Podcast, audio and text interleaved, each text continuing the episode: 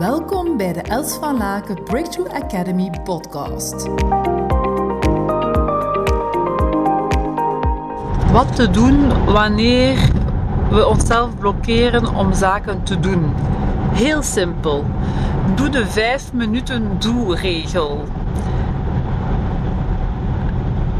Iets heel, heel simpel dat iedereen kan en ook wel waarschijnlijk iedereen wel erkent. Op het moment dat je opmerkt bij jezelf dat je een beetje vastzit in jouw doen, dat wanneer je je er toch toe zet en je echt gewoon bijvoorbeeld achter jouw bureau gaat zitten en vijf minuten gewoon rond een bepaald, bepaalde taak gaat werken, dat het eigenlijk wel snel vooruit gaat. Dat het, dat het snel lukt. Zo had ik een eh, persoonlijk voorbeeld van, van mezelf. Hè.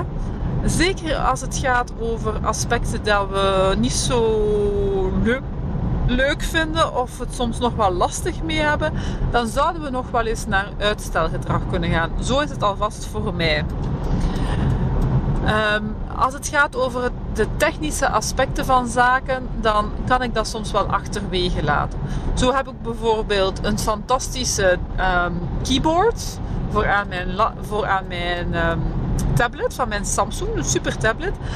Ook die, die, Samsung tablet is al heel lang aangekocht. Echter, ik kom er niet uh, toe om uh, dat heel goed onder de knie te krijgen en eigenlijk uh, volledig de verbinding met dat toestel aan te gaan. Hetzelfde geldt nu voor uh, deze mooie um, uh, recorder dat ik nu gekocht heb. Ik heb zo'n fantastisch Olympus recorder gekocht, waarbij dat zodra je dat eigenlijk inspreekt en je dat connecteert met jouw PC, dat er dus een, een, software is die zorgt dat jouw handsettekst direct wordt vertaald uh, en omgezet wordt in tekst die je dan vervolgens kan gebruiken voor een blog zoals deze. Ik heb daar gisteren echt waar gewoon gezegd: dat ligt nu al twee weken als op uw bureau. Nu gaat het dat gewoon doen. Was dat gemakkelijk? Nee, want voor een of andere reden, als het over zo van die technische, elektronische zaken uh, uh, is, behalve met mijn Samsung Galaxy, maar voor al de rest lukt mij dat eigenlijk niet direct zo in een vloeiende beweging. Um, dus ik heb daar zitten uh, worstelen op die technologie, op die software, want dat lukte langs geen kanten op mijn computer.